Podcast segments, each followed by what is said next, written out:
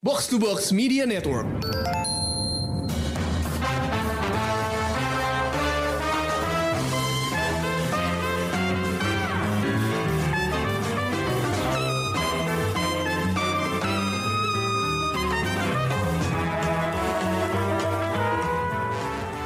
Halo pendengar Showbox, ni hao. Wah, greeting apa nih?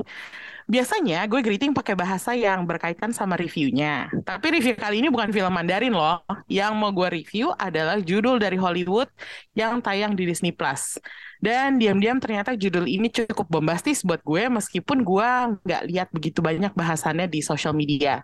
Yang mau gue bahas adalah American Born Chinese. Ini adalah serial 8 episode yang diciptakan oleh Calvin Yu buat Disney Plus. Jadi kalian bisa nonton serial ini di OTT. Nah, yang luar biasa adalah salah satu sutradaranya itu Daniel uh, Destin Daniel Cretton yang nyutradarain Shang-Chi and the Legend of the Ten Rings-nya MCU. Udah gitu, terjadi sebuah reuni tak terduga dari cast Everything Everywhere All at Once. Michelle Yeoh main, Ke Huy Quan main, Stephanie Su main, James Hong main. Itu udah semua cast utamanya Everything Everywhere minus Jamie Lee Curtis. Jadi of course gue uh, tertarik sama judul ini dan awal bulan Juni ini gue nonton. Tadinya gue mau solo review, tapi uh, karena ya gue pikir teman-teman showbox gue yang lain pada nggak mau nonton. Tapi ternyata Rengga ikutan nonton. Jadi sekarang gue dan Rengga bakal bahas judul ini barengan. By the way gue mohon maaf di awal kalau gue banyak name dropping everything everywhere. Gimana pun juga castnya kurang lebih sama. Ya sama banget gitu ya.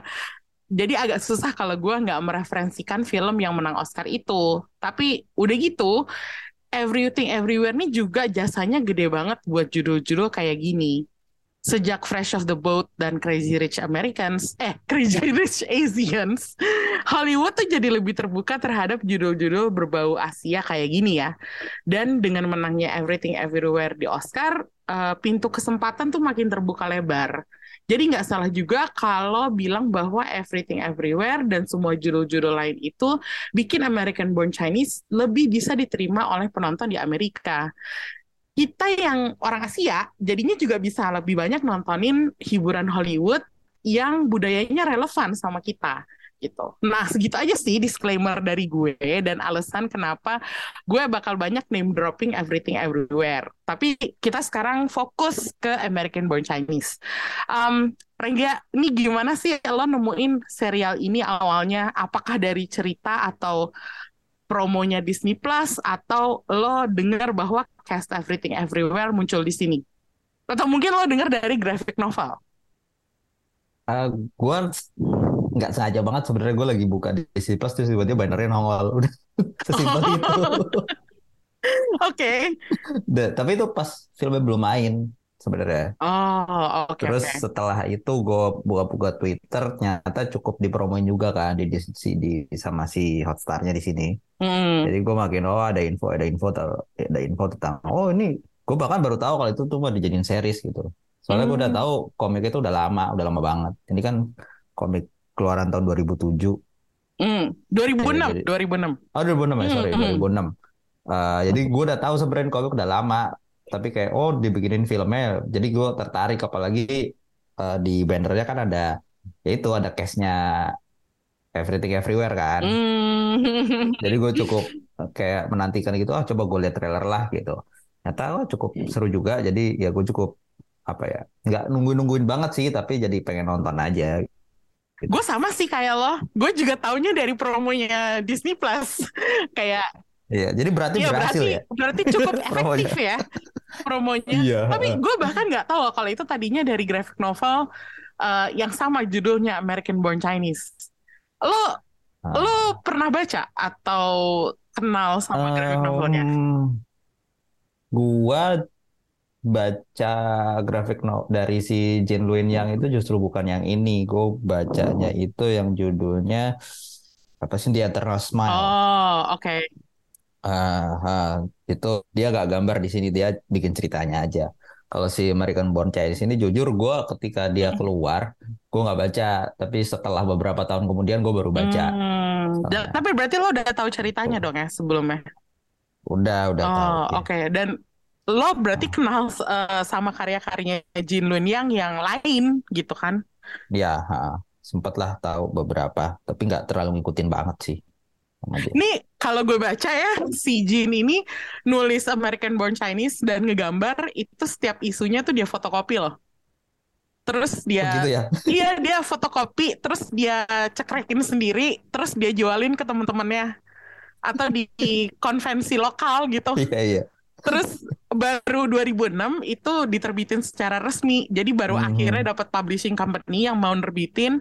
Terus baru jadi New York New York Times bestseller dan menang award gitu. Yeah. Makanya dia jadi booming kan. Terus yeah. gue sempet ingat ya, ini gue sempet jualan graphic novel kan dulu waktu di Kinokuniya. Terus uh, ini sempat ada customer yang pre-order, bukan pre-order, personal order. Hmm tapi gue nggak bisa nyediain karena susah banget dicari. Oh ya? Jadi Oke okay, udah udah nggak ada pada waktu itu kalau nggak salah tahun 2009 apa 2010 gitu. Hmm. Terus kopisnya tuh udah susah banget dicari di distributor atau di publisher. Jadi gue ya gue dengan sangat menyesal gue nggak bisa nyediain buat customer hmm. itu. Hmm. Terus gue baru ingat pada saat gue mengeriset uh, serial ini gitu kan gue bahkan baru tahu itu serial yang sama seperti yang waktu itu gue gagal sediain buat customer gue gitu. Gue kayak aduh ternyata gue punya sejarah juga nih sama judulnya. Meskipun nggak langsung baca ya iya iya iya. gue kayak wah ternyata graphic novelnya waktu itu sempat ada yang nyari tapi gue nggak bisa sediain. Ah, missed opportunity banget iya. ya soalnya 2007 ya berarti. Setelah ini hmm. itu menang Eisner juga ternyata Oh. Jadi lumayan high profile lah sebenarnya si Jin ini. Oh, oke oke oke oke. Eisner Award by the way itu uh, salah satu book award ya di uh, Amerika kalau uh, yang belum tahu. tahu. Soalnya kan kayak uh, apa Eisner itu Pokoknya itu kalau misalnya uh, industri komik tuh punya Eisner Award gitu. Terus ada award-award lain yang American Born Chinese ini tuh uh, dinominasikan sehingga dia jadi judul yang booming gitu. Salah satunya National Book Award itu uh, graphic novel pertama yang dinominasiin yang jadi finalis di National Book Award di Amerika. Jadi makanya ya ini judul yang sebenarnya cukup penting juga gitu. Hmm. Um, tapi kalau kita ngomongin serialnya ya, gue nonton serial ini tuh ngebacanya kayak Maksudnya tuh untuk memperkenalkan mitologi apa legenda Chinese ke audiens Gen Z di Amerika. Menurut lo gimana? Dan apakah sukses uh, presentasi budaya Chinese di serial ini daripada film-film semacam Shang-Chi gitu? Gue justru tidak melihat itu sih. Oh ya? iya. Jadi apa yang yang lo baca dari serial ini gimana dong? Ini tuh lebih kayak uh, pesan moral. Ah pesan moral. Pesan moral apa nih? Pesan-pesan itu lebih ke ini sih ke apa ya anak-anak uh, Gen Z Chinese American di sana tuh krisis hmm. identitas gitu. Hmm. apakah apakah mereka sebenarnya American atau Chinese gitu jadi mereka bingung antara itu. Itu kan itu konflik konfliknya si Jin Jin Jin Jin Wang kan uh, betul. Nah itu kalau di komik diliatin banget sebenarnya. Oh gitu. Iya di sini. Tapi ketika masuk jadi series, gue sempat baca juga uh, komentar si Jin Jin Lueng yang bilang kayak ya kalau di komik uh, ya emang ceritanya masuk batas itu. Tapi kalau dijadiin series kan jadinya boring ya. Maka ditambahin adegan aksi Ah, ditambah okay. mitologi, mitologi Sun Wukong dan segala macem gitu ya. Jadi bisa lebih seru lah. Hmm. Lebih kayak hmm. gitu. Oh oke, okay. mungkin kalau gue baca graphic novelnya duluan, gue bisa punya kesan yang sama ya seperti yeah. lo. Tapi uh. purely dari penonton series, gue merasa ini salah satu attempt buat ngedeketin generasi uh, mudanya Amerika hmm. ya American born Chinese yang yang anak-anak Chinese yang lahir di Amerika kepada budaya homelandnya mereka gitu. Hmm. Jadi gue merasa apa ya? Ini ada juga yang lo bilang uh, identitas krisis gitu ya, uh, identity crisis gitu. Hmm. Tapi kok gue lebih milih positifnya aja gitu Tapi itu itu itu itu juga ya sah sah aja sebenarnya pemikiran lo. Tapi itu menurut gue juga nggak cuma nggak cuma Chinese American yang apa Gen Z yang Chinese American ya, tapi Mm-mm. untuk memperkenalkan uh, mitologi Cina ke khalayak luas sih sebenarnya. Hmm, Kan sebenarnya nggak banyak juga yang tahu mitologi Sun Wukong di Amerika sana kan. Tapi ya kalau misalnya kita ngelihat eh, apa namanya eh, ininya eh, konten dari ceritanya itu kan mereka banyak banget ya kayak para wibu Amerika muda mud- yang masih kecil Aju- ini tuh aju aju. mereka kayak banyak banget adaptasi cerita Sun Wukong gitu. Iya iya. Kayak itu kan dibahas gitu di serialnya. Nih, lo membandingkan pengalaman lo sebagai penyuka anime dan manga em, terhadap penggambaran wibu di di serial ini tuh gimana gitu loh, Reng? Gue agak penasaran karena kok wah emang sebanyak itu ya legenda Journey to the West diadaptasi gitu. i- iya emang sebanyak itu emang. Oh gitu ya? Iya, heeh, heeh. bahkan ya gue juga mengikuti kan itu adaptasi apa Journey to the West yang sebenarnya paling ngawur dan paling jauh dari cerita aslinya gitu kan, Apa tuh? Dragon Ball Oh, paling gak nyambung juga ya? gitu. Iya, tapi ya emang sebanyak itu gitu di di mana di Jepang sendiri kan anime dan manganya juga banyak sebenarnya ngambil mitologi dari situ kan, walaupun ada yang plek-plek uh, ngikutin tapi ada juga yang enggak cuma ngambil unsur- unsur-unsurnya doang ada. Mm-mm. Salah satunya lumayan kondang tuh anime ini. Nggak tahu deh sekarang masih ada yang tahu nggak Genso Maiden Sayuki. Itu tontonan gue banget. Sayuki. Iya. Gila gue Iya. generasi kapan ya? Itu terus kalau dari manhwanya sendiri juga dulu ada ada dulu kan banyak diterbitin ya. Komik Mm-mm. Hongkong di sini itu salah satu yang dulu kondang banget kalau nggak salah apa ya komik judulnya apa The Saint apa kalau nggak salah. Itu Hmm. lumayan kondang banget pas zaman apa ya, gue SMA kayaknya deh. Itu banyak banget teman gue yang baca dan emang itu bagus banget eh, gambarnya dan ceritanya gitu.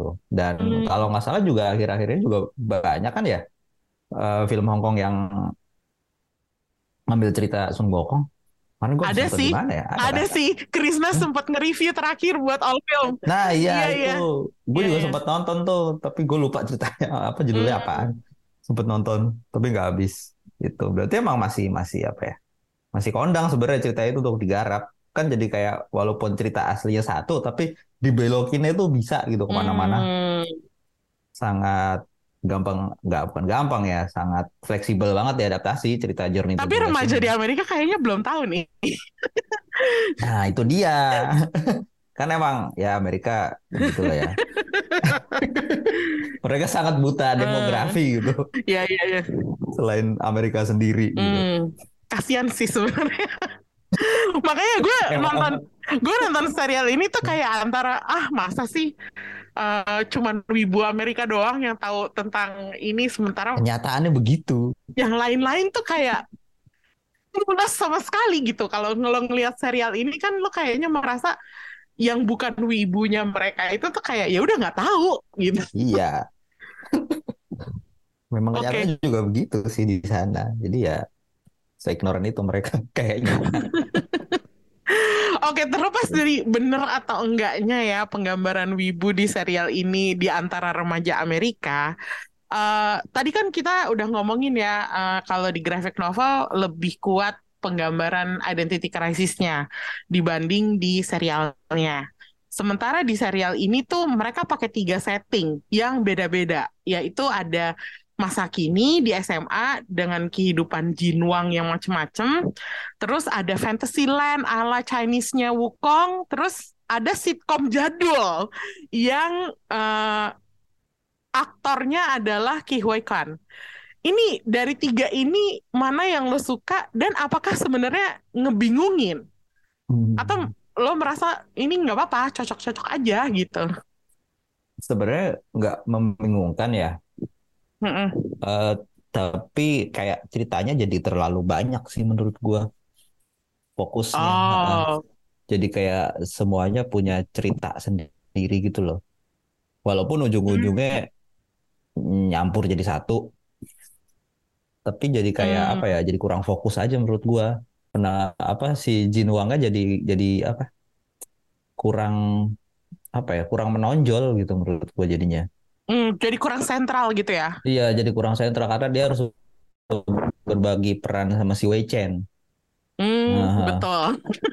Terus udah gitu yang sitkom jadulnya itu tuh agak distracting gak sih? Iya. Meskipun gue gue suka ya sama pesannya dan gue ngerti kenapa Ke Huy Quan yang akhirnya memerankan si eh, Jimmy Yao atau si apa Freddie Wong ya kalau nggak salah ya Freddie Wong namanya di ha-ha. sitkom itu. Gue ngerti sih kenapa dia yang dipilih dan gue ngerti apa yang pesan mau disampaikan gitu. Tapi gue merasa bagian sitkomnya tuh kayak sebenarnya nggak terlalu penting-penting banget sih. Nah, soalnya kalau di di komik itu jadi bagian integralnya si Wei Chen, eh Wei Chen sorry, si siapa Jin Wang Oh gitu. gitu. Ha-ha. Jadi kalau di komik itu eh, kayak ceritanya tuh ada ada Jin, Ji- si Jin Wang, tapi ada Hmm. juga si sitkom ini. Nah, Mm-mm. sitkom ini ternyata di bagian ending ending apa? Ending bukunya itu Mm-mm. kayak ada di pikirannya dia. Jadi ada ada, ada Hmm. ka- karakternya sama kayak namanya si Denny kan. Mm-mm.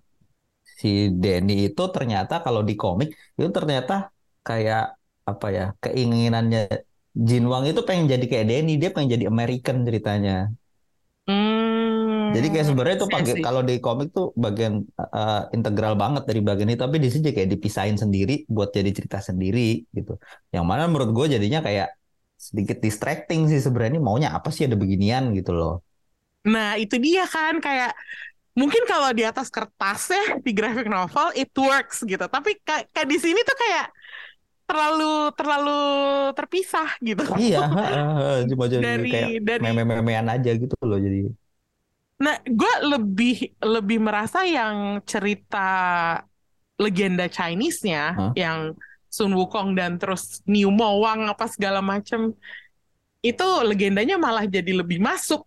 Padahal di graphic novel itu nggak ada itu kan. nggak ada sama sekali justru itu pengembangan Nah, baru itu dia. banget itu Makanya gue heran kok malah cerita Chinese-nya ini yang lebih kuat jadinya gitu. Mm-mm. Iya sih, jadi kayak lebih apa ya, lebih nyatu aja soalnya ada karakter Wei Chen-nya kan, jadi yang nyambungin cerita itu kan Hmm. antara si Jin Wang sama dunia dunia Sun Wukong gitu kan, dunia mitologi. Tapi kalau cerita tentang si sitcom ini kan bener-bener nggak nyambung sama sekali sebenarnya, dan gue kira itu bakal cuma kayak selingan-selingan doang, tapi ternyata sampai ujung ada ceritanya. Iya, Sampai Di setiap- diceritain. di setiap episode ada gitu loh. Iya, ada sampai diceritain ada ada si mereka reunian segala itu kayak lah ini gue kira sampai habis diceritain gitu. Jadi kayak rada distracting sih menurut gue. Oh, mungkin harusnya dibikin kayak mini seri terpisah gitu ya, kayak web series taruh di YouTube gitu misalnya. Iya bisa jadi lucu tuh. Tapi kalau nggak ya jadi selingan-selingan aja nggak usah nggak usah ada konklusinya segala itu.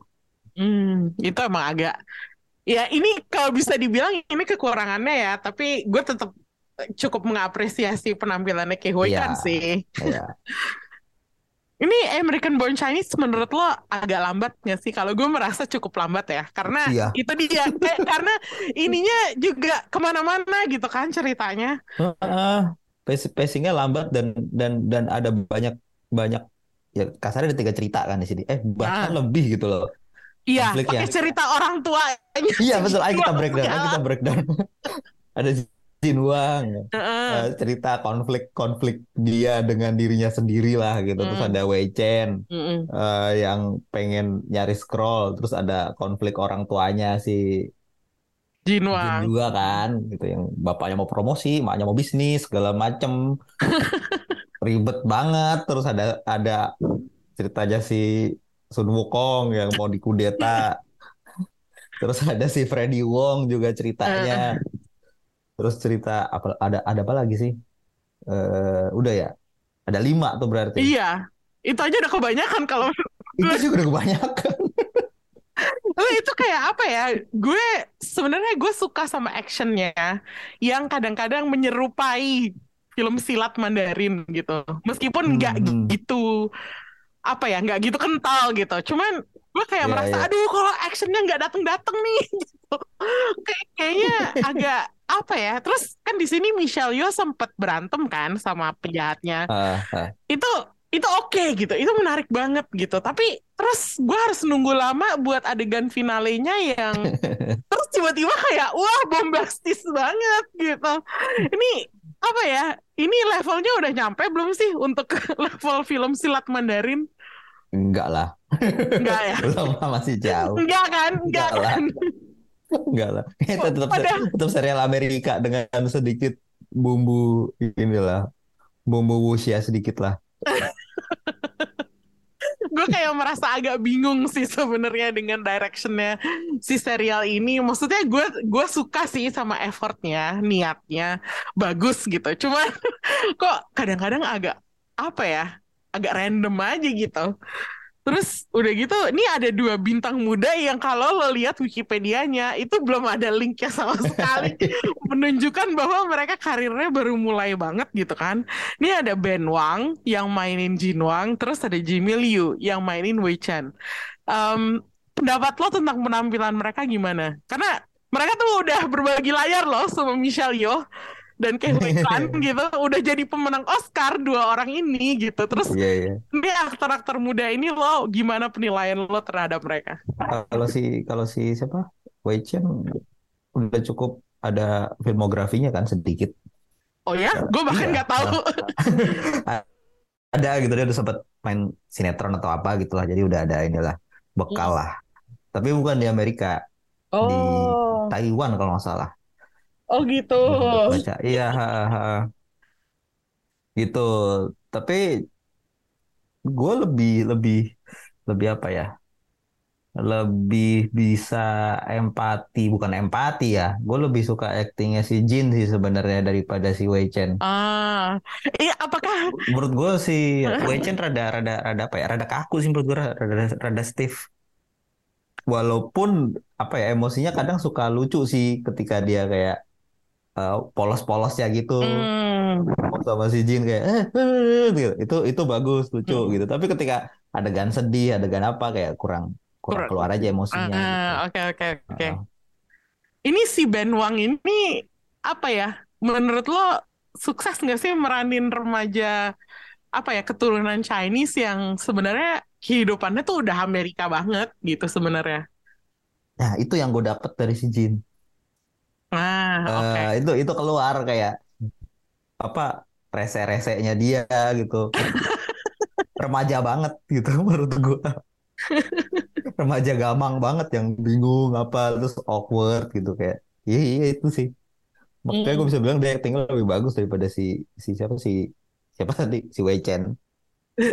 Terus Chen. Heeh. Ih, gue suka sih setiap kali dia bilang eh, dia nggak bisa bahasa Mandarin. Iya. Pelan-pelan dong gitu. Gue suka sih. Kayak meskipun datar gitu ya, tapi komik timingnya pas memang. Iya iya mukanya juga kan datar gitu kan sebenarnya dia. Maka jadi awkward banget ininya. Justru dapat karakternya di situ menurut gua. Oh, oke oke.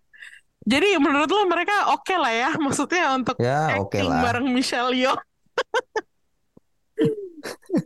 cukup oke lah. Oke. Nih dua-duanya tuh Gen Z kan, Reng. Nah, Biasanya kita-kita yang udah sedikit lebih tua daripada Gen Z itu suka banyak kritik tentang tingkah lakunya mereka gitu. Melihat dua dua anak muda ini, apakah lo pengen mengkritik atau justru lo sangat memahami struggle mereka? Eh gua nggak bisa dibilang memahami ya karena gue juga nggak tinggal di sana dan tahu ininya gimana ya. Tapi kalau Hmm. lihat penggambarannya sih cukup menggambarkan ya.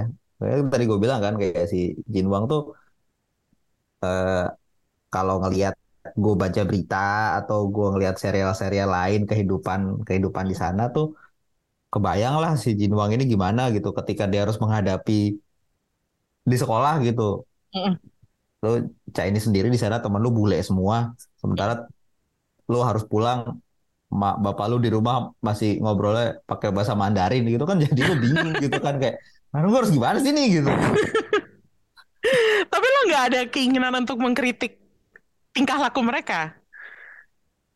Sangat apa ya, sesuai sama zaman sekarang banget sih menurut Oh, gua. Yang emang ya gitu. Ngeliat. Gue sebenarnya gue sebenarnya agak agak nggak suka ya dengan uh, sikap-sikap mereka karena ya itu tadi Gen Z banget. Cuman contohnya yang mana? Nih contohnya kayak si uh, Jin Wang itu sama temen-temennya, temen-temennya udah berusaha untuk ngebelain dia, tapi dia oh, malah oh, iya, mau iya. kompromi iya, gitu. Iya, iya. Ya, gue ngerti sih nggak semua orang punya jiwa social justice warrior gitu. Uh, gue tahu uh, sih itu. Cuman kok gue merasa sikap dia tuh rada plin-plan gitu dan kurang tegas gitu. Tapi uh, emang itu sikap-sikap yang katanya sering ditampilkan oleh banyak Gen Z gitu. Gue nggak tahu se mm -hmm. sebenar apa ya, karena gue ngomong nggak langsung sama Gen Z, gue ngomong sama orang-orang yang lebih tua daripada mereka uh -huh. gitu. Tapi melihat serial ini dan kehidupan Jin Wang di Amerika sebagai remaja keturunan Chinese, gue kok jadi lebih simpati daripada pengen kritik gitu.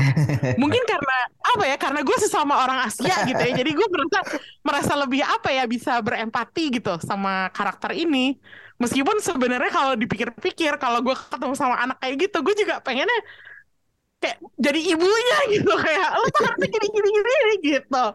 Mungkin ya itu dia karena pengaruh uh, etnis juga jadinya gitu. Kayak oh sesama Asia gue lebih bisa mahamin lo daripada apa ya tingkah laku yang Gen Z-nya itu yang gue kritik gitu. Gue jadi hmm. pengen lebih memahami dia. Kalau gue boleh bandingin sama yang terlihat di serial Netflix XO Kitty, ini di review sama Ulil ya. Tapi gue mendengar reviewnya Ulil sama ngebandingin uh, portrayal remaja di American Born Chinese, kok gue merasa lebih simpati sama si remaja-remaja di American Born Chinese ini daripada di XO Kitty. gue nggak tahu kenapa. Mungkin karena struggle-nya di situ kayak lebih masalah relationship gitu. Sementara di sini struggle-nya kan lebih ke kehidupan dia di masyarakat kulit putih gitu. Jadi makanya gue agak merasa, oh gue bisa nih bersimpati sama anak-anak ini gitu. Oke. Okay. Dan gue nggak tahu apa itu XO Kitty. EXO Kitty adalah C. Pokoknya lo silakan uh, pendengar Showbox silakan research sendiri EXO Kitty apa. Uh, tadi gue udah bandingin sedikit kalau lo ngerti konteksnya, lo bisa ngerti apa yang gue maksud gitu. EXO Kitty. Langsung lo di research sama Rengga. Oke, okay, baik balik lagi ya kita ke pembahasan American Born Chinese. Ini di sini banyak banget aktor Asia bertebaran ya, aktor-aktor uh, yang ya Michelle Yeoh ya um, Chin Han gitu. Ini ada nggak sih salah satu penampilan aktornya yang mencuri perhatian lo selain dari dua anak muda tadi? Uh, ibunya sih, ibu dan bapaknya Chin Han sama oh. ininya. Yang mana gue baru tahu mm-hmm. ibunya itu uh, dia bukan Chinese American justru. Oh gitu. Iya, ternyata dia orang Malaysia. Kayaknya bawaannya si Michelle Yeoh. oh gitu. Wow. Namanya kemarin gue baru nyari sebenarnya. Yo Yan Yan. Nah, oh, oke. Okay. Iya, dia uh, Malaysian apa? Iya, Malaysian Malaysian aktris dia. Uh, dan dia oh. gue sempat denger uh, filmnya ternyata dia main Ilo Ilo kalau lu tahu. Gue nggak tahu tuh judul apa itu. gue pernah denger itu film-film apa sih film Singapura kalau nggak mm -hmm. salah deh. Itu filmnya udah lama sih. Gue gue juga nggak nonton sih, tapi itu film festival oh. juga dan katanya cukup lumayan bagus ternyata. Mm. Gitu. Dan itu cukup lucu sih sebenarnya kayak lo menceritakan American Born Chinese, American Born Chinese, um, Chinese American di Amerika tapi salah satu karakter utama itu justru aktris dari Malaysia gitu. Bawaan Michelle Yeoh bener nih kayaknya nih. Iya. gua Iya kayaknya mau diorbitkan gue punya teman, saya punya teman di iya. Malaysia. iya kayak kayaknya dia oke okay nih bisa lu pakai kayak oke oke oke. Kalau Bu Michelle yang bawa pasti bagus. Bu Michelle. Astaga. Um, tadi lo nyebut Chinhan, kenapa lo tertarik sama penampilannya dia, Reng? Kayak apa ya? Gue melihatnya dia ini sih kayak kerasa aja gitu strugglingnya gitu gimana dia sedihnya di kantor gitu kan bingung gitu aduh gue mau maju tapi gimana ya pelin pelan tapi gue minoritas banget di sini gitu jadi kayak ya gitu deh gitu. Ini kayak nunjukin generation gapnya antara dia sama anaknya nggak sih? Kalau gue sih merasa itu Iya, itu banget. kelihatan banget bedanya kontrasnya antara banget banget. bapaknya sama anaknya. Kehidupannya tuh beda banget dua-duanya gitu. Iya, heeh, itu itu terasa banget bapaknya dulu struggling banget hidupnya terus anaknya sekarang begitu gitu. Kayak mereka komunikasinya juga susah gitu kan. Iya, itu dia. Makanya gue tertarik yang dipilih itu Chin Han karena Chin Han itu buat gue aktor yang lebih ke film action atau film disaster ya. Iya, Karena gue uh. sering sering banget nonton dia di The Dark Knight, terus uh, Captain America: The Winter Soldier, terus uh, Contagion. Eh, tapi sekarang dia nongol di sini jadi family man. Terus ya agak didominasi sama istrinya gitu. Jadi gue wah kagum juga gue sama penampilan dia gitu. Iya, range actingnya berarti lumayan apa ya cukup luas ya berarti. Ih, luas banget sih kalau menurut Iya, gue. Orang Singapura loh dia. Tetangga loh dia. Tuh kan. Itu dia, makanya wow. Em, terus gue juga tertarik sama si pemerannya Wukong, si Daniel Wu. Daniel Wu Itu- masih masih Hmm. ganteng. Masih ganteng. Lo ngikutin karir dia sih, Ren? Eh, nggak terlalu sih. Nggak terlalu, Nggak tapi terlalu, buat, tapi tahu buat sih. yang belum tahu ya, eh, orang ini lahir di Amerika tapi karirnya lebih banyak di China gitu. Iya. Um, terus pertama kalinya gue denger eh, Daniel Wu itu waktu dia main film Hollywood dan peran mainstream di mana dia nggak pakai tampang aslinya. Apaan? Yaitu di Warcraft dia jadi Oh orc iya, iya benar. di Gul'dan gitu. Terus nggak kelihatan tampangnya sama sekali meskipun kok gue suka ya sama aktingnya dia gitu. Jadi sekarang pun di sini dia juga main sebagai Wukong yang tampangnya nggak 100% manusia. Tapi gue merasa dia cocok jadi apa ya? Monkey King yang terus punya anak. Gue nggak tahu anaknya datang dari mana tapi kayak wah ternyata dia bisa juga nih. Um, dan presence-nya menarik gitu dia juga main di Westworld season 4 kalau nggak salah. Tapi gue udah nggak nonton lagi Westworld ya, jadi gue belum lihat di situ. Intinya gue pengen lihat dia lagi sih di mana pun. Gue Ya, berharap ya. dia dapat peran-peran yang nunjukin mukanya aja gitu, jangan jangan jadi orc lah. Jangan jadi monyet lagi lah.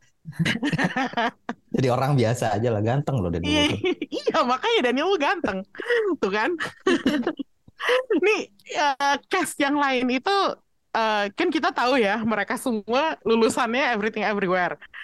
Terus ternyata eh, ini unplanned reunion Ren. Katanya udah syuting duluan, Hmm? udah jadi, baru Everything Everywhere dirilis dan meledak gitu. Ah, Jadi ya nggak apa ya disebut sengaja juga enggak gitu meskipun ya nggak nggak bisa disangkal bahwa mereka bisa make namanya Everything Everywhere All at Once dan kesuksesan film itu ngebantu ngangkat serial ini hmm, gitu. Betul, betul, betul. Setuju Nah, gua. Lo melihat apa ya sinergi dua judul ini tuh aji mumpung atau kebetulan yang luar biasa kayak a lucky coincidence gitu. Ini ini sih mestakung alah. Semesta mendukung. Ini Betul kebe- juga sih. kebetul- kebetulan banget sih menurut gue dan kebetulannya bagus gitu. Hmm. Sangat men- mendukung film ini banget gitu. Walaupun nggak sangat di- nggak direncanakan, tapi jadinya ya, ya jadi gitu dan dan apa jadinya bagus filmnya. Walaupun walaupun emang porsi paling gede kan dipegang tetap sama Michelle Yeoh ya. Hmm. Betul. Oke, Hoi kan juga lumayan lah. Si James Hong nongol cuma satu episode doang. si siapa? Eh, siapa? Stephanie Su. Steven Su juga di belakang doang kan. Itu kayak cuma berapa Iya, iya. scene gitu kan. Hmm. Tapi menurut gue cukup mengangkat serial ini juga jadi bisa jadi pembicaraan orang-orang lah. Hmm. Kayak mereka oh alumni ini main serial ini loh, mereka main bareng lagi. Wah, gitu. Jadi rame kan. Paling nggak jadi membuat orang pengen tahu dan mencoba menonton itu aja dulu gitu kan. Iya sih. Suka atau enggaknya kan kita setelah lu nonton gitu kan. Paling nggak penasaran aja dulu gitu. Kalau gue sih untungnya ya peran mereka di sini di American Born Chinese itu beda total sama yang ada di Everything Iya, Everywhere iya. gitu. Jadi kayak lo mau ngebandingin apple to apple juga nggak bisa gitu karena ini dua judul yang sangat berbeda dan penampilan mereka tuh nggak sama sama sekali gitu. Jadi ya oke lah pakai Everything Everywhere buat ngangkat serialnya, buat promosiin serialnya, tapi setelah itu ya udah itu udah beda gitu dan apa ya ya itu lo bilang tadi semesta, semesta mendukung gitu kan jadi kalau menurut gue sih apa ya emang fenomena everything everywhere tuh sangat berjasa nggak sih buat judul-judul Asia kalau gue sih merasa iya sih Iya sih benar. Soalnya jadi kayak apa ya? Dikenal di di apa ya? Di seluruh dunia sih. Di Hollywood jadi dipandang banget soalnya. Iya iya iya Nah. iya itu dia kayak kes- yang yang gue tahu adalah sebelum eh, Amer- Crazy Rich Asians ya terutama Hmm. itu studio besar di Amerika tuh susah banget mau ngasih judul-judul yang berbau Asia sama sekali gitu. Hmm. Tapi sekarang udah lebih banyak dan kayaknya sih bisa lebih banyak lagi gitu. Jadi apa ya? Oke, mungkin bukan Everything Everywhere yang berjasa total, tapi setelah mereka menang Oscar kemarin tuh, wah pintu kesempatannya tuh makin terbuka lebar gitu. Hmm, hmm, hmm. Jadi gue cukup apa ya, cukup cukup optimis sih dengan Hollywood yang mau ngebanyakin judul-judul Asian related gitu. Jadi ya berharap aja bahwa ini memang beneran terjadi gitu. Iya benar. Dan itu juga kan gue baru inget pesan itu dibawa sama si Freddie Wong pas reunian kan. Iya betul. Pesan sponsor. Curhat di situ. itu eh, Freddie Wong di akhir-akhir itu akhirnya lumayan ini sih eh, pesan apa ya tanda kutip pesan moralnya itu sangat pesan sosial deh kita sebutnya pesan, Iya pesan sosial. ha. Pesan sosialnya cukup kena sih kalau buat gue. Ha, Iya bener. Gue rasa itu udah direncanakan sih emang. Hmm. Kayak- Eh, curhatlah di sini. gitu. Jadi itulah fungsinya adegan reuninya ya. Iya. Betul. Meskipun kurang nyatu sama cerita utamanya, tapi tetap ya Iya. pesan sosialnya tersampaikan gitu. Iya, ya oke lah jadinya.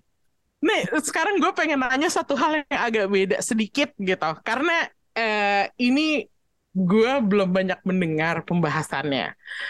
Eh, gue pengen nanya analisa lo tentang Destin Daniel Cretton sebagai sutradara. Ini sebelum Shang-Chi, gue bisa dibilang gue nggak kenal siapa dia gitu. Eh, tapi seperti banyak sutradara Marvel, terus sekarang dia dapat proyek-proyek yang apa ya, yang lumayan high profile lah. Salah satunya selain Shang-Chi ya, itu ada Tokyo Vice di HBO di mana dia jadi produser. Terus ada ABC ini sekarang yang dia eh, sutradarain pilotnya sama finalenya. Terus berikutnya dia mau nyutradarain Kang Dynasty. Nah, menurut lo sebagai sutradara, apakah dia promising atau sekedar puppetnya si Marvel? Gimana sih? Gue harus membaca karir dia gitu. Gua nggak suka lagi Shang-Chi. Bu- Nggak jelek sih filmnya, tapi ya kurang aja menurut gua. Hmm. Jadi kayak ya itu bisa dibilang gue yang kedua sih. Jadi kayak puppetnya Marvel sebenarnya. Oh dia masih jadi puppetnya Marvel ya? Masih belum belum apa ya, belum ada sesuatu yang unik aja sih dari dia. Hmm, karena untuk mencapai level James Gunn itu susah banget ya. Maksudnya Iya Kalau- pasti. kalau Marvel tuh lebih suka sama sutradara-sutradara yang eh, bisa dikontrol sepertinya gitu. Ya betul.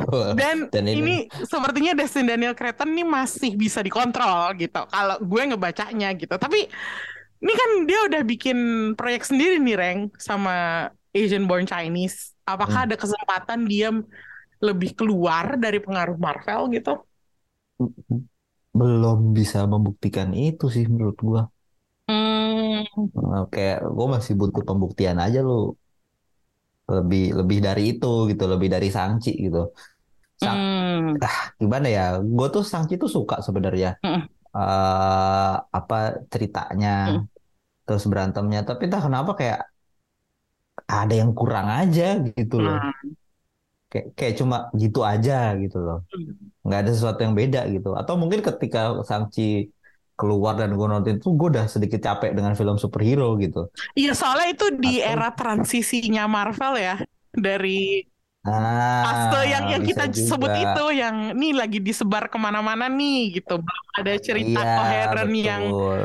apa ya menuju sesuatu yang lebih bermakna gitu. Makanya Iya, iya. Mungkin itu juga kali. Tapi kalau misalkan dia bisa membuktikan dengan Kang Dynasty ya bagus sih. Tapi masalahnya sekarang Kangnya kan sedang bermasalah. terus Kang Dynasty juga film MCU ya masih Iya. tergantung sama Kevin Feige gitu loh. Betul. Jadi kayak Eh, ya mau diharapin buat keluar jalur juga nggak bisa. gitu. Oke, jadi kita masih harus lihat lagi ya si Kreton ini gimana eh, karir trajektorinya ke depan gitu. Memang belum bisa diprediksikan. Em, daripada kita misuh-misuh soal karirnya orang, kita kasih rating aja deh buat American Born Chinese. Lo kasih rating berapa? Gua apa ya, tiga deh. Tiga bintang ya? Iya. ha.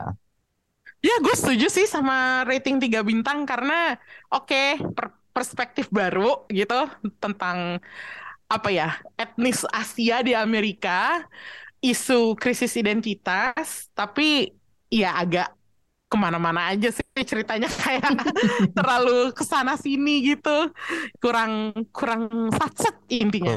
Kurang fokus gitu. Harusnya mungkin bisa lebih dipadetin lagi sih ya. Ya, Pace-nya lambat soalnya. Heeh. Terus ya itu tadi yang kita bilang eh, bagian sitkomnya jadinya malah agak-agak distracting dan bukan nggak terlalu nyatu gitu loh. Iya, kayak cerita sendiri aja gitu. Ya emang dia cerita sendiri sih ya. Nggak salah. Nih kayaknya kita harus baca graphic novelnya lagi nih. Kayak untuk membuktikan sebenarnya bisa loh ceritanya lebih nyatu gitu. Tapi itu tadi review kita untuk American Born Chinese. Eh, serial ini kalau di negara kita ini sepertinya agak low key gitu. Eh, tapi di Amerika sendiri udah sempat jadi bahan omongan. Presiden Joe Biden sempat ngasih kata sambutan tentang serial ini waktu di screening khusus di White House untuk merayakan Asian American Native Hawaiian Pacific Islander Heritage Month. Dan kalau kalian baca review serial ini di media Amerika Serikat, serialnya juga banyak dikaitin dengan pesan-pesan anti rasisme terhadap orang keturunan Asia di Amerika. Jadi sebenarnya judul ini tuh penting banget gitu. Dan seperti kata gue di awal tadi, American Born Chinese jadi salah satu tontonan yang ngasih kita kesempatan untuk nikmatin hiburan Asian oriented produksi Hollywood dan akhirnya bikin relevan sama kita di sini. Nah, sekarang kan udah denger nih review kita, bolehlah ditonton kalau memang belum nonton. Mumpung lidur libur Idul Adha nih, Reng. Panjang banget ya. Cuti Oh bersamanya. iya, benar cuti bersama ya. Hmm, betul. Ini kayaknya cocok nih buat ditonton selama masa liburan. Jadi jangan lupa untuk check out American Born Chinese di Disney Plus dan simak 8 episodenya yang bisa ditonton dalam sehari kayak gue. Oke, sampai ketemu di episode lain. Share